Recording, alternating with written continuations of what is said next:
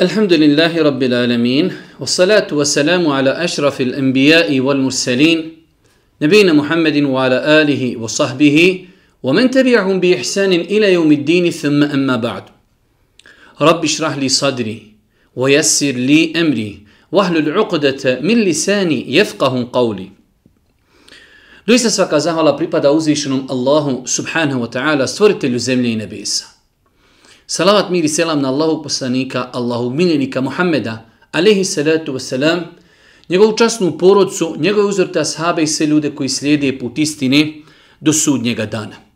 Uvažna braću, poštovane sestre, uvaženi gledatelji, evo nas u još jednoj emisiji u kojoj se družimo sa komentarom odabranih ajeta iz Kur'ana. Vjerujem da velik broj vas zna da smo u Ramazanu počeli ovaj serijal – da smo se trudili u 10 dana Ramazana da svake večeri odabirimo ajete iz jednog džuza. Nakon toga, nakon Ramazana smo počeli ponovo sa ovim serijalom, ali smo pokušali da eh, u svakom predavanju odabirimo ajete iz jedne suri. Pa evo, ovo je koliko se sjećam naša 16. emisija u kojoj se družimo sa odabranim ajetima iz sure El Hijr. Kaže uzvišenje Allah subhanahu wa ta'ala na početku ove sure Elif Lam Ara. Tilke ajatul kitabi wa Kur'anim mubin. Rubbema jevoddu allazina kefaru lau kanu muslimin ذرهم يأكلوا ويتمتعوا ويلههم الأمل فسوف يعلمون Kaže uzvišenje Allah subhanahu wa ta'ala u prva tri ajeta sure El Hijr, Elif, Lam, Ra, Ovo su ajeti knjige Kur'ana jasnog. Zažalit će nevjernici često što nisu postali muslimani. Pusti ih neka jedu i naslađuju se. I neka ih zavara nada, saznaći oni. Tri veoma interesantna ajeta na početku, na početku sure El Hijr. Kaže uzvišeni Allah, opet jedna od sura koja je započeta sa arapskim slovima i mi smo u prvom predavanju kada smo govorili u suri El Beqara, pošto ona počinje sa e, arapskim harfovima Elif La Mim, tada smo spomenuli govor islamskih učenjaka zašto, zašto uzvišenje Allah subhanahu wa ta'ala više od 20 sura započeo je samo sa imenima arapskih slova, pa oni koji bi voljeli da se dodatno koriste, neka se vrati na prvo predavanje i neka poslušaju govor o svemu tome. Elif lam ra, ovo su ajeti knjigi Kur'ana jasnog. Allahu akbar. Allah Želšanuhu u Kur'anu u više kur'anskih ajeta opisuje Kur'an. Allah Želšanuhu je stvoritelj zemlji i nebesa. On je izrekao Kur'an. Kur'an je njegov govor koji je objavljen posredstvom Džibrila, najodabranijeg meleka, Muhammedu alihi salatu wasalam, kako bi ga Muhammed alihi salatu wasalam dostavio čovječanstvu. Pa Allah Đelešanu je taj koji najbolje poznaje svoj govor.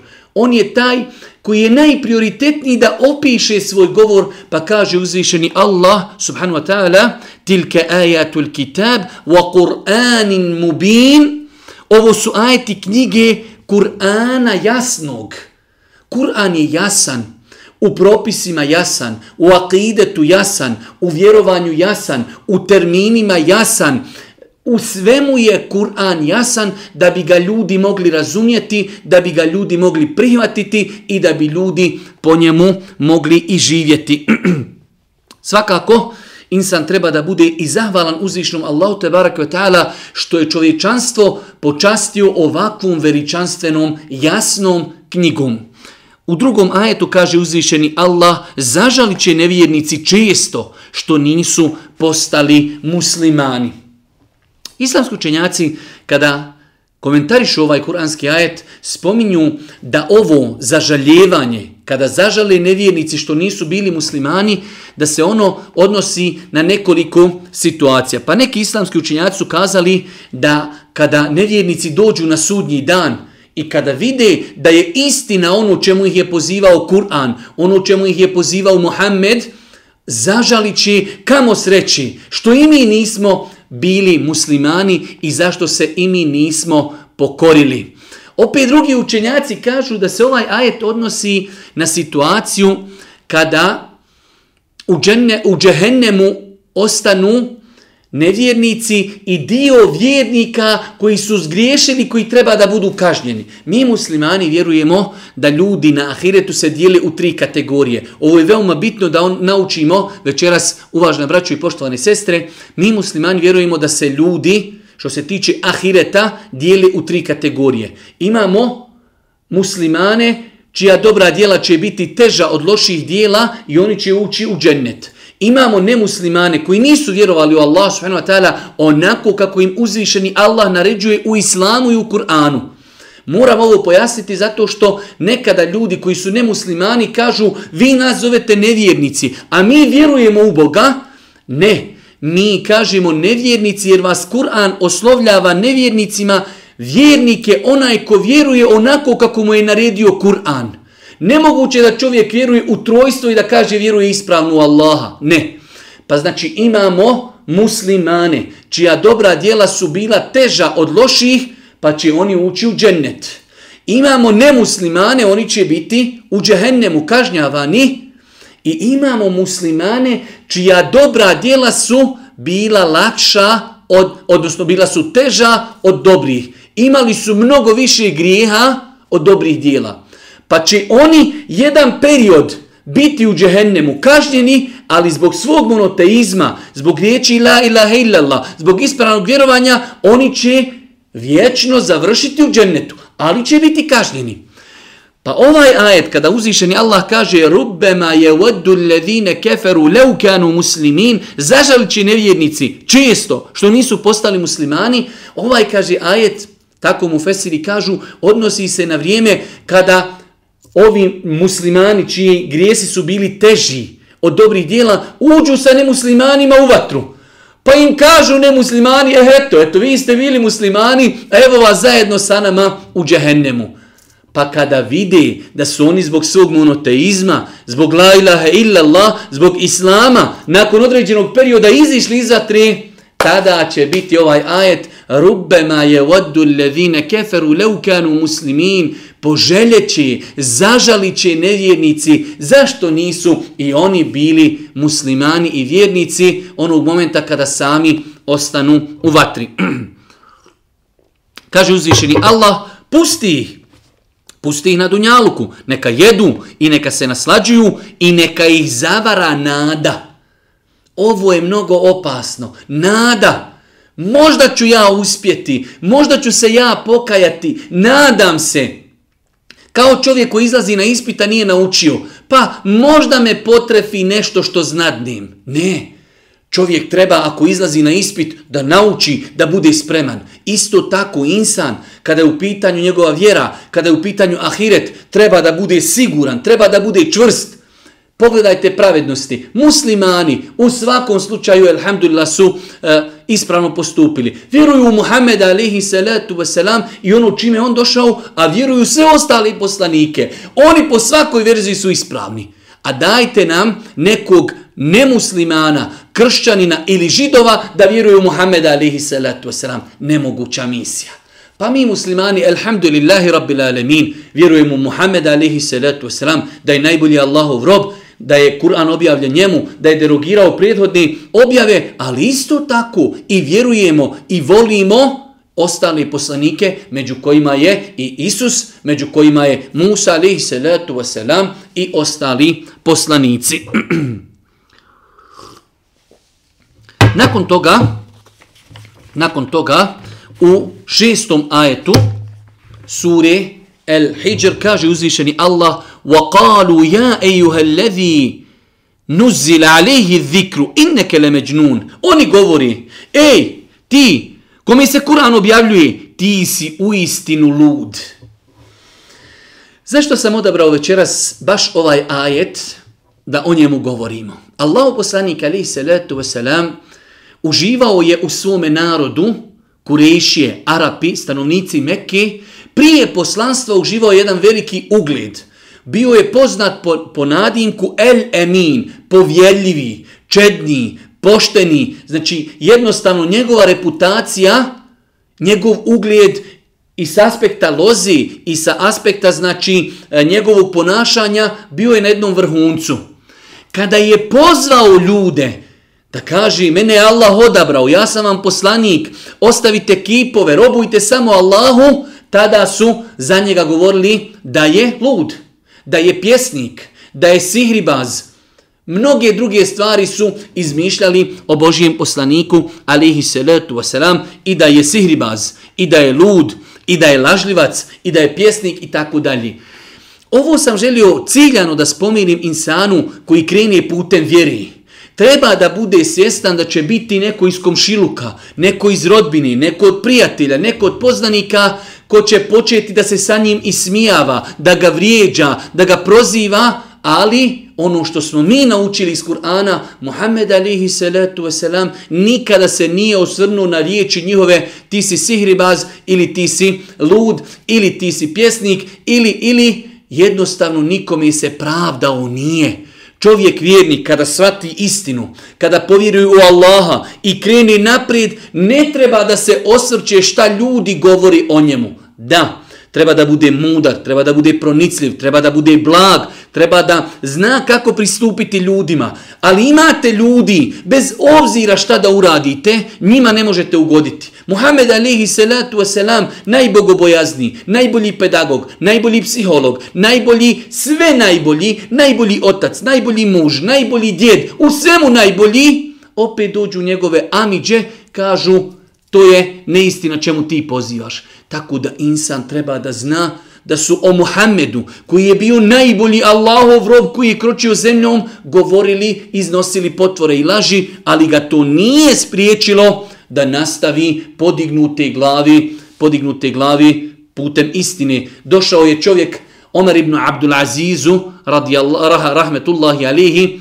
a može se kazati radi Allahu ta'ala anhu, Pa mu je dao jedan veliki savjet, između ostalo kaže Imdi, wala tel tefit, idi, idi, naprijed, ne okreći se, ti nemaš vremena da se okrećeš nazad i da gledaš šta ljudi o tebi govori. Bitno ti je da je uzvišeni Allah, gospodar zemlje i nebesa, zadovoljan sa tobom.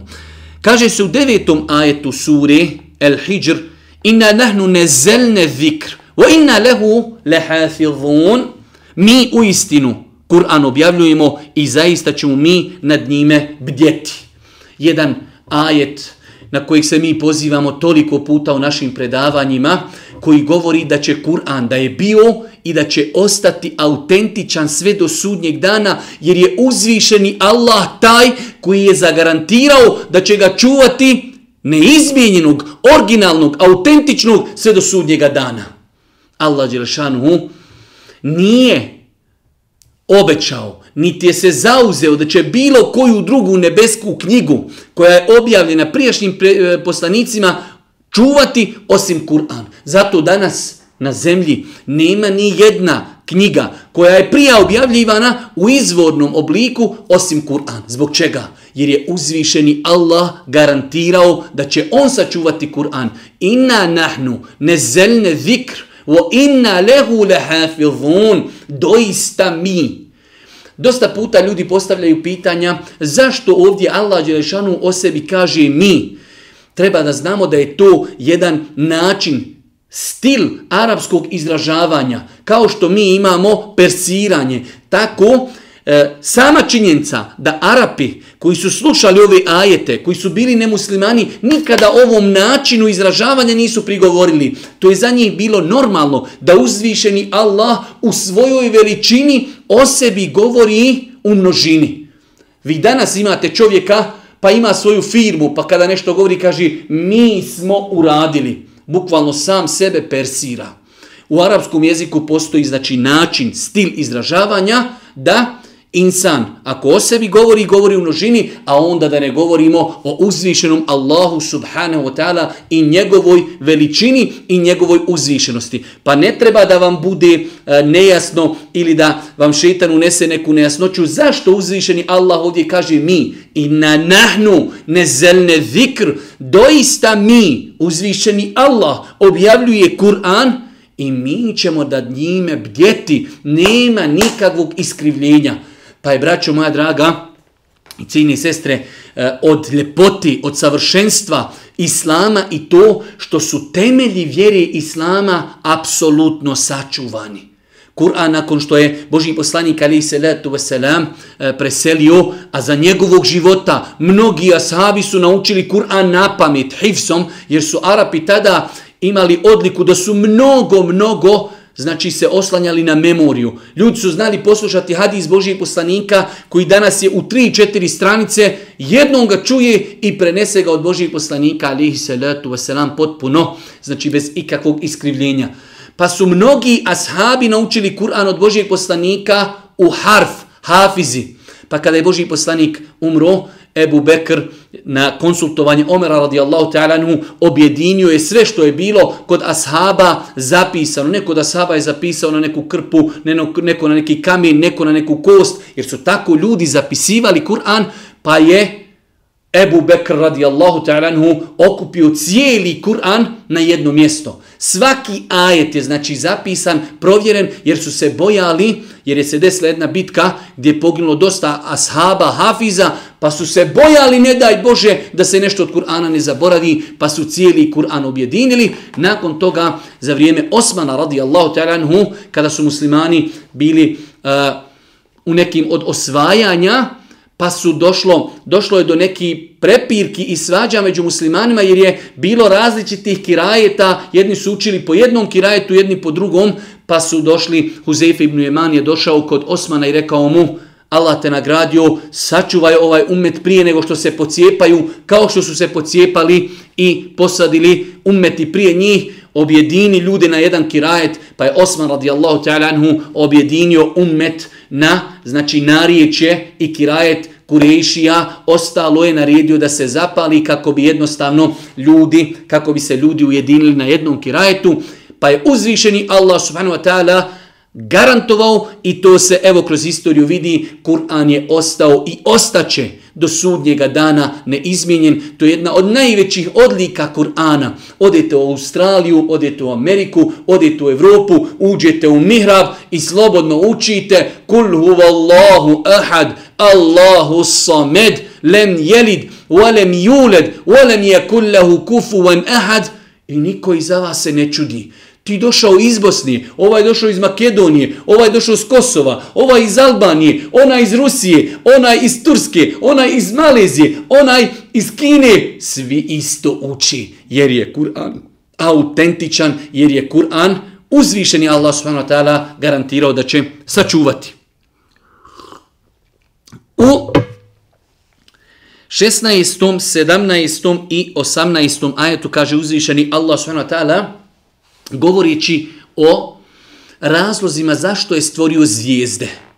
Pogledajte kako Kur'an tretira različite teme. Između ostalog, uzvišnji Allah nam je pojasnio zašto su stvorene zvijezde. Zvijezde su stvorene, u to vrijeme se putovalo i morima i kopnom, pa su se ljudi orijentisali po zvijezdama. Arapi su bili veliki poznavaoci zvijezde znači e, zvijezda i dobro su poznavali njihova mjesta na nebu, tako do te mjeri da su putovali, ali su se orijentirali po zvijezdama, pa su zvijezde, znači uzvišen Allah je stvorio da se ljudi prema njima orijentišu. Zvijezde su stvorene kao ukras nebu. Zamislite kako bi bilo da na nema na nebu zvijezda. Monotono. Dok kada čovjek vidi zvijezde, jednostavno koliko je to ukras nebu. Pa je druga stvar, znači, zašto su stvorene zvijezde kao ukras nebu. I treća stvar, zvijezde čuvaju nebo od šeitana koji prisluškuju šta se na nebu određuje i šta se na nebu, do, šta se na nebu propisuje, šta se događa, pa kada vidimo mi onu zvijezdu padalicu, šta je to? to zvijezde gađaju šeitane, kao što ćemo potvrditi u vjerodostojnom hadisu, koji su došli da prisluškuju šta se gore dešava, kako bi dole na zemlju to prenijeli svojim sihribazima, kako bi oni na taj način mogli da manipulišu ljudima. Imaju informaciju šta će se desiti, pa onda ljudi kažu, pa zar nije on rekao da će se desiti to i to. Pa kaže uzvišeni Allah 16. 17. 18. ajet Mi smo na nebu sazvježdja stvorili i za one koji ih posmatraju ukrasili. I čuvamo ih od svakog šetana prokletog, a onoga koji kradom prisluškuje stiže svjetlica vidljiva. Onaj koji prisluškuje kradom stiže, stiže svjetlica vidljiva. Ono što je bitno da uzviše Allah subhanahu wa ta'ala na više mjesta u Kur'anu spominje zvijezde, pa primjer radi, e, u drugim ajetima uzviše Allah subhanahu wa ta'ala kaže on vam je stvorio zvijezde da se po njima u mraku upravljate i na kopnu i na moru, a u drugom ajetu kaže mi smo vama najbliže nebo sjajnim zvijezdama ukrasili i učinili da vatra iz njih pogađa šetane za koje smo patnju ugu pripremili. Pa svi ovi ajeti kada se uzmu, E, zajedno spominju tri razloga zašto su zvijezde stvorene, da se ljudi orijentišu na osnovu njih kao ukras nebu i zvijezde čuvaju, čuvaju nebo od šeitana koji želuju da prisluškuju šta se na nebu događa. Svakako, veoma je bitno spomenuti e, u današnje vrijeme Nerijetko se dešava da ljudi čitaju horoskope, a horoskop horoskopi se navodno pišu na osnovu e, kretanja zvijezda, musliman ne smije, muslimanu je haram, strogo, zabranjeno čitati bilo kakvo proricanje budućnosti na osnovu zvijezda ili na osnovu bilo čega drugog. Zvijezde nisu ništa drugo do Allahova stvorenja. Zvijezde imaju svoja mjesta, koja im je uzvišeni Allah odredio, ne može se na cijelim nebesima i u cijelom kosmosu desiti ništa, osim dozvolom uzvišenog Allaha te barake o teala. Pisati horoskope je čista izmišljotina i čista laž. Gajb, sutrašnjost, budućnost ne zna niko osim uzvišeni Allah. Muslimanu je haram, strogo, zabranjeno čitati horoskope, kupovati, prodavati i na bilo koji drugi način afirmisati. Zvijezde nemaju nikakve veze sa budućnošću. Zvijezde nemaju nikakve veze sa budućnošću. Rekli smo, tri su razloga zašto su zvijezde stvojene. Zašto su stvorene? Kaže se u hadisu koji bilježi imam Buharija, kada Allah subhanahu wa ta'ala odredi neku stvar na nebu, odredi, nešto se odredilo, da će se nešto desiti, meleki u znak pokoravanja Allahu i riječi krilima udari. Taj riječ kao kada lanac po glatkoj stijeni udari. Strah meleke obuhvati, a kada strah iz njovi srca bude otklonjen, oni kažu, šta je gospodar vaš rekao? A drugi meleke opet kažu, istinu je rekao, on je uzvišeni i veliki. To oni koji kradom prisluškuju čuju, aha, govori nam prvo ovaj hadis kojeg bilježi Buharija, da uzvišeni Allah kad određenu stvar propiše i odredi, meleki, se zastraše od veličine uzvišnog Allaha, pa jedni pitaju šta je to objavio, šta je to naredio naš gospodar, a drugi odgovaraju i kažu naredio je, propisao je istinu. Ono što je naredio, to je istina. To slušaju, taj razgovor slušaju šetani koji su došli da prisluškuju nebesa, pa kaže to oni koji gradom prisluškuju čuju. A koji su, Ovako jedan iznad drugog opisao je Sufjan svojom rukom raširivši iznad prstiju svoje desne ruke, stavivši jednog iznad drugog. Šeitani jedan na drugog se penju, jedan na drugog se penju dok dođu do ovodunjalučkog neba. Pa poslušajmo šta kaže Allah poslanik. Možda svjetlica stigne onoga koji prisluškuje, isprži ga prije nego što on to prenese svome ortaku. Imaju dvije opcije. Oni se naredaju jedan na drugog i prisluškuju gore. Njih gađaju, njih gađaju zvijezde, svjetlice, pa nekada se desi da ona njega pogodi, on nije uspio informaciju prenijeti onom ispod sebe.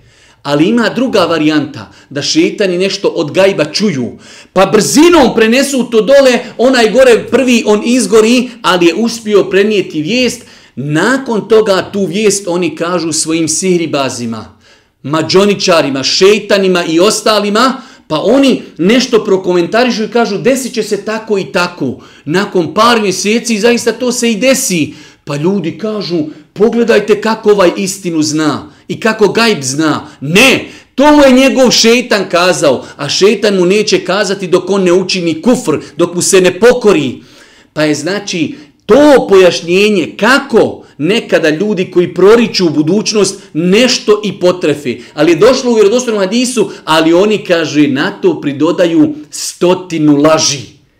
Znači stotinu puta slažu, a jednom nešto i potrefe, nešto to oni znaju, već to su im to šeitani kazali. Pa nam znači Kur'an jasno pojašnjava i to pitanje, jer su i Arapi predislamski imali problem da su vjerovali da zvijezde utječu na dešavanja na zemlji. Pa jedne prilike je poslanik, nakon što je sklanjao sabah namaz, a tu noć je padala kiša, pa je kazao Allah poslanik, ali se letu oni koji smatraju da je kiša padala, Allahovom voljom i njegovom dobrotom, oni su mu'mini. Oni koji smatraju da je kiša pala zbog zvijezda i e, znači kretanjem zvijezda, da su zvijezde utjecale na kišu, ti su, kaže, nevjernici u Allaha i ono čime sam ja došao. Pa je mnogo opasno vezivati kretanje na zemlji sa zvijezdama. Ovo nikako ne znači, znači, e, izbjegavati astronomiju, astrologiju, proračun zvijezde, da, to nikako ne znači da to treba izbjegavati, ali povezivati da to ima uticaja na našu sudbinu i na naša dešavanja, apsolutno strogo haram, strogo, strogo zabranjeno.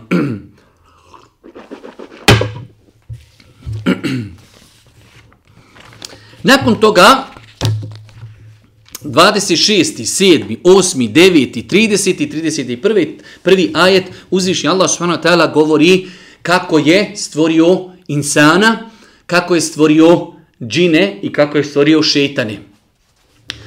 Prije nego što počnemo govoriti i komentarstati ovi ajete, treba da znamo da postoje tri vrste stvorenja.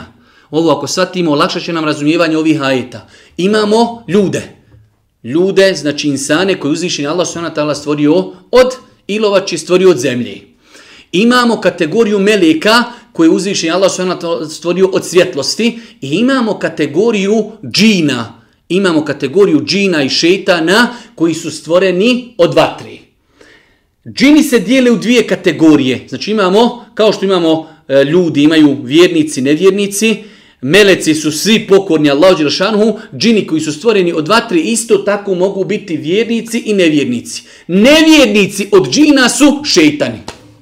Ovo nam je veoma bitno da znamo da imamo pet kategorija, odnosno tri kategorije, u svakoj od dvije kategorije imamo podkategorije. Imamo meleke, apsolutno pokorna Allahova stvorenja.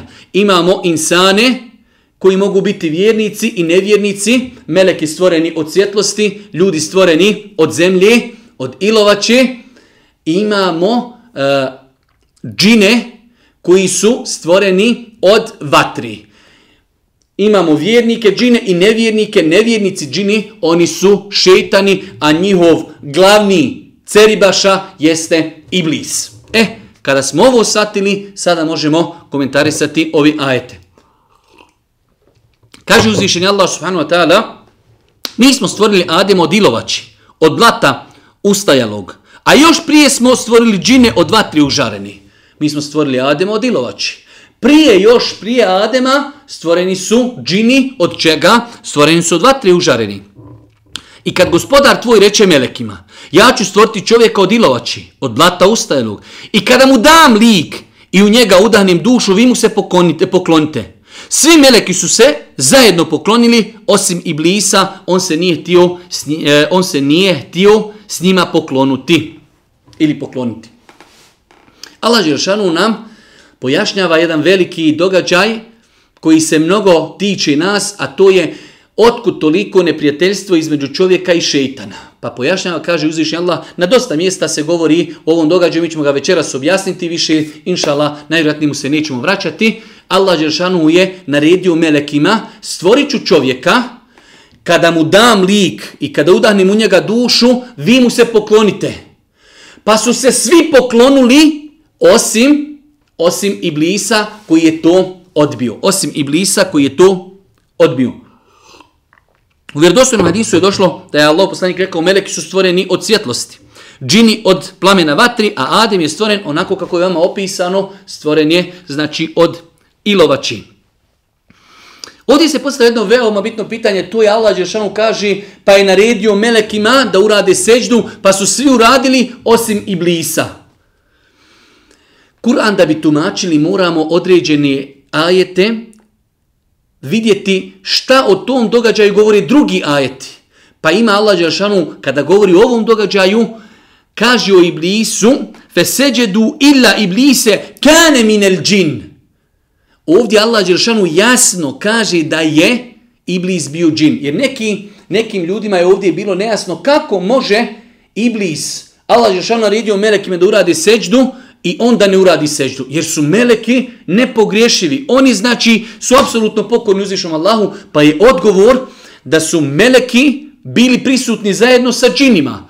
Pa je Allah Đeršanu naredio da se uradi seđda pa su Meleci uradili seđdu a Iblis je ostao, nije uradio seđdu. On nije uradio ne zato što, e, znači što je melek, ne, nije uradio, bio je tu, čuje tu naredbu, ali je on u osnovi džin. Jer u osnovi Allah Đeršanu rekli smo na drugom mjestu u Kur'anu kaže fe seđedu, svi su učinili seđdu, illa iblise, kane minel džin. Iblis jedini nije htio da uradi seđdu, on je bio jedan od džina. Pa znači da razjasnimo tu stvar, Iblis pripada džinima. Džinima koji ne vjeruju Allaha, džinima šeitanima. Jer smo rekli da imamo džine vjernike i džine nevjernike. Džini nevjernici su šeitani, a njihov, njihov ceribaša glavni je iblis. Pa znači, ispravno razumijevanje ovih ajeta jeste da uzviši Allah s.w.t. na rediju melekima da uradi seđdu. Tu je bio i iblis koji se izoholio i nije tio da uradi seđdu. Nakon toga će doći do razgovora između njega i njegovog gospodara, ali ono što je nama bitno da ovdje shvatimo jeste da imamo tri vrste, znači tri kategorije, tri vrste stvorenja, imamo ljude koji mogu biti i vjernici i nevjernici, imamo džine koji mogu biti i vjernici i nevjernici, imamo meleke koji su apsolutno pokorni uzvišnom Allahu. Ljudi su stvoreni od ilovači, meleci su stvoreni od svjetlosti, a džini su stvoreni od vatri, kao što je sve potvrđeno vjerodostojnim dokazima, Vjernici, džini i nevjernici, džini, šetani, njihov glavni ceribaša je Iblis koji je odbio da uradi seđdu i da se pokori i da se pokloni Ademu onda kada ga je stvorio uzvišeni Allah. Nakon toga u 32., 33. i 4. ajetu i 5. dolazi do razgovora između uzvišenog Allah subhanahu wa ta'ala i Iblisa. Pa kaže uzvišeni Allah, o Iblise, reče Allah. Zašto se nisi ti, zašto se ti ne htjede pokloniti? Nije moje reče da se poklonim čovjeku kojeg si stvorio dilovači, od blata, ustajalog. Onda izlazi iz dženneta, reče uzvišeni Allah, nek si prokljet i neka se prokljestvo zadrži na tebi do sudnjega dana. Razgovor između Allah s.w.t. i između Iblisa, gdje ga uzvišeni Allah pita zašto se nisi ti poklonio eh, Ademu alaihi salatu wasalam, pa on kaže, da se pokloni čovjeku kojeg si stvorio dilovači. Ovo je, znači ovdje tako popisano, na drugom mjestu opet u Kur'anu rekli smo da bi određen događaj imali potpunosti e, viziju šta se sve desilo, moramo pročitati u Kur'anu na više mjesta šta određeni ajeti govori o tom slučaju. Na drugom mjestu kaže uzvišenje Allah da mu je rekao Kale ma menake ألا تسجد إذا أمرتك قال أنا خير منه خلقتني من نار وخلقته من طين kada ga je Allah upitao zašto seždu nisi učinio kaže ene hajrum min ja sam bolji od njega mene si stvorio od vatre a njega si stvorio od zemlji pa je to bio Iblisov odgovor zašto ni on je sebe smatrao kako da ja uradim seždu nekome koga si stvorio od zemlji a mene si stvorio od vatre Pa kažu islamski učenjaci, prvi koji je koristio analogiju je bio Iblis i ofule u toj svojoj analogiji. Jer je u osnovi zemlja bolja od vatri, u osnovi. Zemlja može opstajati bez vatri, a vatra ne može opstajati bez, ne može ostajati, opstajati bez zemlji. Pa je Iblis se uzoholio, on je počeo analogiju da koristi. Čuj, da ja uradim seđu Ademu, a njega je Allah stvorio od zemlji, a mene od vatri, ja sam od njega bolji, treba onda se meni pokori pa ga je to koštalo da je na njega prokljestvo donošeno do sudnjeg dana. Mi ovdje možemo naučiti jednu veliku lekciju, a to je, pogotovo u današnje vrijeme, kada ljudima citiramo ajete, citiramo hadise, citiramo propise, govor u Leme, kaže, ja, ja se ne slažim s time.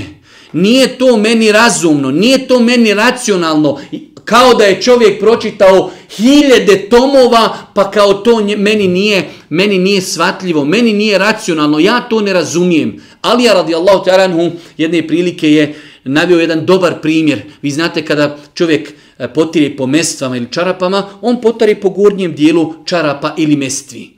Kaže Alija, kada bi vjera bila po nekoj logici, po nekoj logici, trebalo bi odu ozdol potrati, jer čovjek koda, znači u svojim mjesecama ili u čarapama po zemlji, pa je to da ih malo ozdol očisti i da ozdol potari. Ali kaži, Walakin ni ra'aytu Rasulullah. Ja sam vidio poslanika da ozgor potiri. Završeno. Poslanik tako radio, nema više logike. Kod nas kažeš čovjeku, Haram je držati pudlicu da, da bude to kućni ljubimac. A zašto? A kako? Ja to ne razumijem. E, pudlica je ljepša od maci, ona je čista. Zašto ribice? Zašto? I tako dalje. Poslani koji ne govori po hiru svome rekao da to ne može. Da će to umanjivati čovjeku nagradu svaki dan jedno brdo, kirat.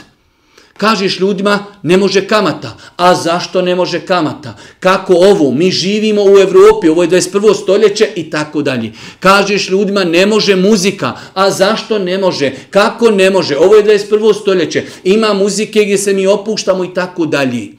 Pa je ova, znači, analogija koštala Iblisa. Insan treba da se pazi. Iblisa je analogija neisprava, odvela u prokljestvo do sudnjega, do sudnjega dana. Nakon toga u 37., 8. i 9. i 40. ajetu nastavlja se razgovor između Iblisa i uzvišenog Allaha subhanahu wa ta'ala, pa kaže uzvišeni Allah, odnosno e, govori o tome da je Iblis rekao gospodaru moj, reče Iblis, daj mi vremena do dana kada će oni biti oživljeni. Daj mi vremena, evo pusti me sad, na meni je prokljestvo, pusti me da ja njih zavodim. I mi smo govorili, kada smo govorili o suri Ibrahim, kako će Iblis održati svoj posljednji govor na Ahiretu kada ljudi odu u Džehennem. Kaže, ja sam vas samo pozivao, ja nisam imao nikakve moći nad vama, ni vlasti, ništa, osim pozivanja. Pa kaže, gospodaru moj, daj mi vremena do dana kada će oni biti oživljeni. Daje ti se rok, reče Allah do dana već određenog, do sudnjeg dana. Gospodaru moj, reče Iblis, zato što si me u zabludu doveo, ja ću njima na zemlji poroke lijepim predstaviti i potrudit ću se da ih sve zavedem, osim među njima tvojih robova iskrenih. Allahu ekber, kako ljudima nedostaje da se druže sa Kur'anom, da shvate kako i na koji način ih zavodi šeitan. Kaže Iblis, Ja ću njima na zemlji poroke lijepim predstavljati. Evo, za danas nije, poroci su predstavljeni lijepi od strane koga? Alkohol je lijep, duhan je lijep, blud je lijep, droga je lijepa. Obrnut, oni koji to ne rade, oni su nazadni, oni su fundamentalni i tako dalje. Evo, evo odgovora, samo za one koji hoće da čitaju, da uči. Kaže Iblis, Allahovo proklijestvo neka je na njega, ja njima na zemlji poroke E, ja ću njima na zemlji poroke lijepim predstaviti. I potrudit ću se da ih sve zavedem. Potrudit ću, toliko ću raditi, toliko ću biti neumuran da ih sve zavedem. Hoću sve u džehennem. Osim illa ibadeke minhumul muhlasin, osim tvojih iskrenih robova. Njima ne mogu ništa. Iskreni robovi koji istinski vjeruju Allaha, istinski se boje, ali njih neću moći zavesti. Škola, nauka, naobrazba, imaju ilm, imaju znanje, imaju bogobojaznost, njih šeitan ne može zavesti. Mimo toga, ja ću njima poroke lijepim prikazivati. Allaha mi. Kada bi ljudi na stvari gledali normalno, sramota, negledano znači sa aspekta vjerskog, sramota bi bilo stati na ulicu i pušiti cigaru uništavaš i metak, uništavaš svoje zdravlje, uništavaš tuđe zdravlje, smrdiš, čuje se i ti to radiš javno pred ljudima. Žene to radi, djeca to radi. U osnovi toga bi se trebali stidjeti, ali kada to šetan uljepša, onda u tome nema ništa loše. Razgolićenost. U osnovi da nema vjeri, žena bi trebala da prekriva svoje tijelo, da je stid muškaraca, da se stidi. Jednostavno, Muškarca je danas stid izići na ulicu, razgolit će onako kako se žene razgolite. A žena u osnovi treba da se više stidi od muškarca. Muškarci ljeti nose hlače, nose košulju. Žene iziđu u bretelicama i u kratkim suknicama. Zašto? Jer je to šetan u ljepšu. Skrati, skrati, još skrati, još skrati, još skini, još razgoliti. Pa je šetan ovdje pojasnio kako i na koji način zavodi, koga može zavesti i koga ne može, koga ne može zavesti.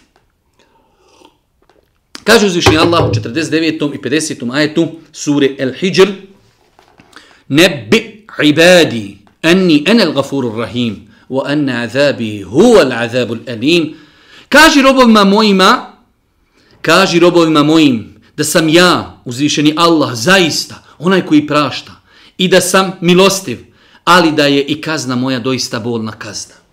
Mnogo puta smo govorili da je kuranski metod kada se govori o milosti, da odma nakon milosti se govori o kazni.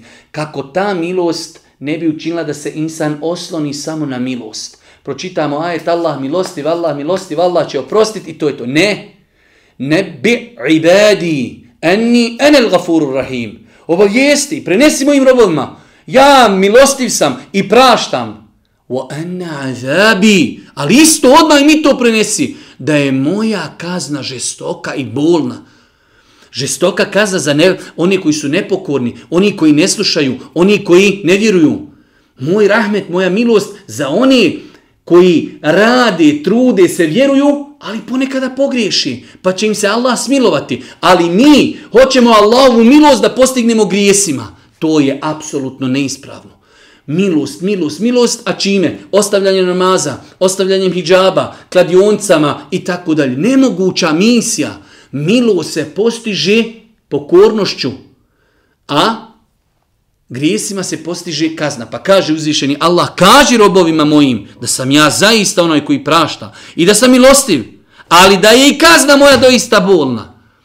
Tako čovjek treba u životu da se ponaša. Kao ptica sa dva krila. Milost – i strah od Allahove kazni. Tada će insan ustati na sabah, tada će insan ostaviti kladioncu, tada će insan oboriti pogled, tada će žena nositi mahramu. Zašto? Jer se boji Allahove kazni, a nada se njegovom oprostu, pokornošću svojom nada se oprostu ondje gdje je pogriješila, ali je u osnovi trudila se da bude pokorna.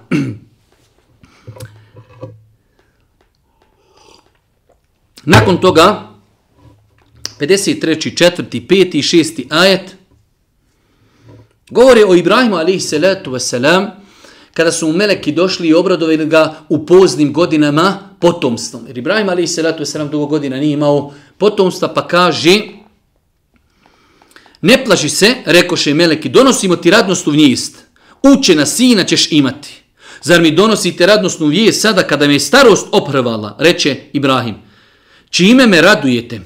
Donosimo ti radosnu vijest koja će se doista obistiniti, rekoše oni. Zato nadu ne gubi. Nadu u milost gospodara svoga mogu gubiti samo oni koji su zabludjali, reče on. Nadu ne gubi u Allahu u milost. Ja sam zbog toga citirao ovaj ajet da ponovo se vratimo na ono koristi suri Jusuf. Znači, Ibrahim Ali Selam ostario, meleki kažu, došli smo da ti prenesemo radosnu vijest, dobit ćeš potomstvo. potomstvo. Zar sad, kaže, kada sam ostario, ali onda, kaže oni njemu, nemoj gubiti nadu, Allahu milost, a on njima odgovara, nadu, milost gospodara svoga mogu gubiti samo oni koji su zabludjeli. Insan ne smije gubiti nadu, Allahu milost. Može se desiti da čovjek pogriješi, može se desiti da čovjek uradi grijeh, ali vrata milosti, vrata pokajanja kod uzvišnog Allah su uvijek otvorena. Kada vidiš nekoga na ulici, možda pijan, možda u grijehu, ili, ili, ili, nemoj gubiti nadu, možda mu se Allah smiluje, dovi Allahu Đeršanu da ga uputi, sa njim lijepo razgovaraj, na lijep način ga pozivaj, nemoj gubiti nadu u Allahovu subhanahu wa ta'ala milost. Nakon toga, uzvišnji Allah subhanahu wa ta'ala, govori u suri El Hijr o Lutu alaihi salatu wasalam, a mi znamo da Lut alaihi salatu wasalam je bio iskušan da njegov narod je činio jedan eh, gnusan čin i grih, a to je homoseksualizam. Pa ih je uzvišeni Allah subhanu wa ta'ala uništio zbog toga. Zato mi muslimani u današnje vrijeme imamo jasan stav Da li se to nekom je sviđalo ili ne, da li to neko prihvatao ili ne, to nas ne interesuje. Ali je stav Islama jasan da je homoseksualizam strogo zabranjen u Islamu. Allah je stvorio muškarca i stvorio ženu. Žena ima potrebu za muškarcom, muškarac ima potrebu za ženom. Samo tako može doći do reprodukcije, samo tako može doći da ljudska rasa opstani. Šta kada bi svi muškarci živjeli sa muškarcima, a žene sa ženama?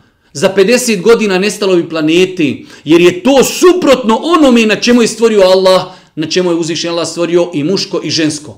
Pa je u islamu homoseksualizam ili lezbejstvo strogo, strogo zabranjeno. Zbog toga je lutov, alihi selam, narod uništen. I to kako uništen?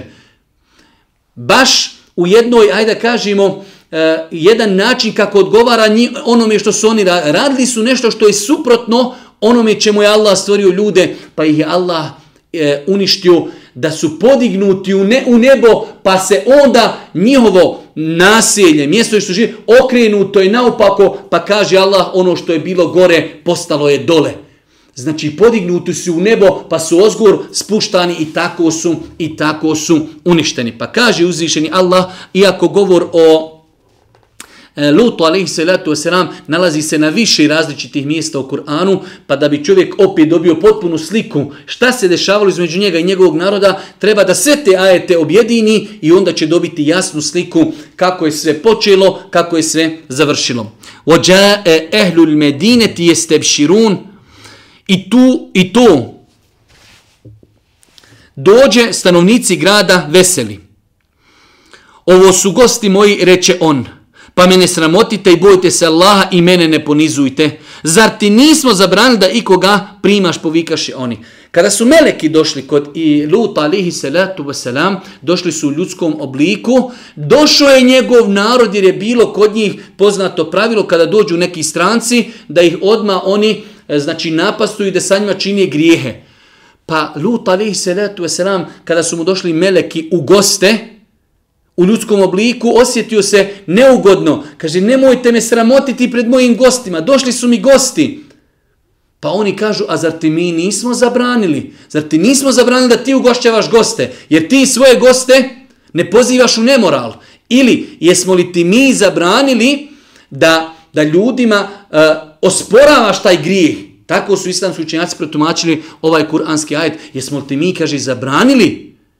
Da govoriš o tome. Pogledajte, pogledajte kako se oni ponašali prema Lutu, alihi salatu wasalam, da su mu zabranjivali da prima goste. Oni hoće da ti gosti osjednu kod njih, pa da ih oni onda mogu napastovati i činiti grijehe sa njima. Nakon toga kaže Lut alihi salatu wasalam, kale haula i benatin kuntum fa'ilin. Ako već hoćete nešto činiti, eto kćeri moje, kažu mu Fesiri, Da Lut alaihi salatu wasalam, pošto je on poslanik jednog naroda, ovim riječima, eto kćeri moje misli, evo sve žene iz našeg plemena, ako već hoćete da zadovoljavate svoje strasti, jer Islam, alhamdulillah, stvorio je čovjek, Islam uvažava da je Allah stvorio čovjeka i u tom čovjeku imaju seksualne potrebe. Znači, Islam je suprotno od kršćanstva koji kaže nemoj se ženiti. Ne, ženi se, ženi se upražnjavaj svoje seksualne potrebe i muškarac i žena, ali na halal i dozvoljen način, u braku, bez bluda, bez nemorala, bez homoseksualizma, bez lezbejstva. Brak i na taj način da čovjek upotpuni i zadovolji svoje potrebe. Pa kaže Lut, alihi salatu wasalam, ako već hoćete nešto, eto kćeri moje, možda se misli, eto moje kćeri, baš bukvalno, ako neko od vas hoće, neka se ženi, ali po većini mufesira, tumača Kur'ana kažu, eto, kćeri naše, znači kćere svih nas, kćere našeg naroda, ženite se između se i upražnjavajte svoje seksualne potrebe. Rekoše, a života mi tvoga, Allah Đeršanu se ovdje u ovom ajetu zaklinje životom Muhammeda alihi salatu wasalam, što je velika počast. Jer kažu mu Fesiri, nikada se Allah nije zakleo životom nekog svog stvorenja osim Muhammeda alihi salatu wasalam. Uzvišnom Allahu kao stvoritelj zemlje i nebesa dozvoljeno da se zakuni svojim stvorenjima, a nama nije dozvoljeno da se zaklinje osim Allahom. Pa kaže uzvišeni Allah, a života mi tvoga, o Muhammede. Oni su u pijanstvu svome lutali. To što traži da čine nemoral sa njegovim gostima, to je pijanstvo. I to što oni inače radi, to je pijanstvo u kojem lutaju. I njih je zadesio strašan glas kada je sunce izlazilo. Znači njih, oni su vidjeli dvije kazne. Kada je sunce počelo izlaziti, jedan za, znači ja glas je zadesio čega su e, poumirali, a isto tako druga kazna je da je njihovo nasilje podignuto u nebo, nakon toga okrenuto i spušteno je, spušteno je tako na zemlju. I njih je zadesio strašan glas kada je sunce izlazlo. I mi smo činili ono što je gore da bude dolje. I na njih smo kao kišu grumljenje od ska, e, skamenjene gline sručili. To su zaista pouke za one koji posmatraju. On je pored puta i sada postoji, to je doista pouka za one koji vjeruju. Pouka i poruka čovječanstvu. O narode, o ljudi, o čovječanstvo, pogledajte šta se je desilo lutovom narodu onog momenta kada su činili taj grijeh. I mi danas treba da razmislimo šta možemo očekivati kao Allahovu kaznu onog momenta kada se u jednom društvu legalizuje, odobri i kada se promoviše na, na sva vrata promoviše homoseksualizam. Pa ovo, znači, kuransko ukazivanje jasno nam ukazuje da je narod Luta, alihi salatu wasalam, uništen zbog homoseksualizma. Pa su jasni, znači, temelji postulati Islama da je to jedan od najvećih grijeha koji čovjek može učiniti u Islamu. 87. i 88. ajet u suri Al-Hijr kaže uzvišeni Allah وَلَقَدْ آتَيْنَاكَ سَبْعًا مِنَ الْمَثَانِ وَالْقُرْآنَ الْعَظِيمِ ولا تمدن عينيك الى ما متعنا به ازواجا منهم ولا تحزن عليهم واخفض جناحك للمؤمنين Mi smo ti objavili sedam ajeta, fatihu, koje, koji se ponavljaju i Kur'an smo ti veličanstveni objavili.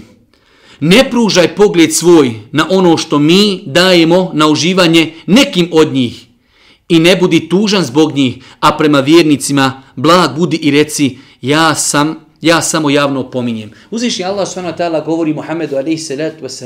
O Muhammede, mi smo te počastili. Počastili smo te, dali smo ti fatihu. Po nekim ufesirima dali smo ti prvi sedam dugih sura i dali smo ti Kur'an. Nemoj bolan da svojim pogledom pratiš onaj dunjalu koji je Allah njima dao. Na drugim mjestima je došlo u Kur'anu, Allah želi da, da ih uništi zbog tog imetka, da oni polipsaju leteći za tim imetkom, pa kaže uzvišeni Allah, ne pružaj pogled svoj na ono što mi dajemo na uživanje nekim od njih. Nemoj da čezniš za tim, Dunjalu će biti i proći, ali ahirete vječan. Vidjet ćemo opet uh, u, u Kur'anu Allah Žešan kaže ono što vi imate je prolazno, ono što kod Allaha, to je vječno. Pa Allah Đelešanu odgaja Muhammeda, dali smo mi tebi nešto mnogo vrijednije, dali smo ti fatihu, dali smo ti prvi sedam kuranskih dugi sura, dali smo ti Kur'an. Nemoj da pratiš svojim očima, pogledom, čežnje, ono što je Allah njima dao na uživanje na dunjaluku. To je samo dunjaluk, to će biti i proći. Ali insan, ako ne zasluži Allahu milost, ako ne bude, ne bude vjerovao, teško se njemu, teško se njemu na sudnjem danu. I posljednji pasus ajeta koji ćemo komentarisati večeras u suri Hijr 92. do 96. ajeta kaže uzvišeni Allah fe rabbike lenes'elennehum ejma'in amma kanu ya'malun tako mi gospodara tvoga o Muhammede njih ćemo sve na odgovornost pozvati za ono što su radili jedan kuranski princip gdje Allah Đeršanu želi da ljudima pojasni na sudnjem danu svi će ljudi odgovarati. Kaže uzvišeni Allah fevo rabbi kelenes elennehum eđme'in. Tako mi gospodara tvoga u Muhammede. Uzvišeni Allah se zaklinje. A njegov govor je najistiniti i bez zakljetvi. A uzvišeni Allah se zaklinje zbog bitnosti ove informacije. Fe rabbike. Tako mi gospodara tvoga o Muhammede. Lenes elennehum ejme'in. Sve ljude ćemo pozvati na odgovor. Sve ćemo ih pitati. Amma kanu ja'melun. Šta su to oni radili na dunjaluku? Pa insan treba da bude svjestan. Svi ćemo mi umrijeti.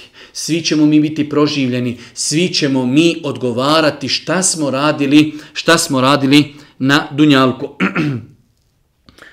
I nakon toga posljednji ajet koji ćemo tumačiti iz ove sure 97. 99. ajet kaže uzvišeni Allah وَلَقَدْ نَعْلَمُ أَنَّكَ يَضِيقُ صَدْرُكَ بِمَا يَقُولُونَ فَسَبِّهْ بِحَمْدِ رَبِّكَ وَكُنْ مَعَ السَّاجِدِينَ وَكُنْ مِنَ السَّاجِدِينَ وَعْبُدْ رَبَّكَ حَتَّى يَأْتِيَكَ الْيَقِينَ Mi dobro znamo da ti je teško u duši zbog onoga što oni govori.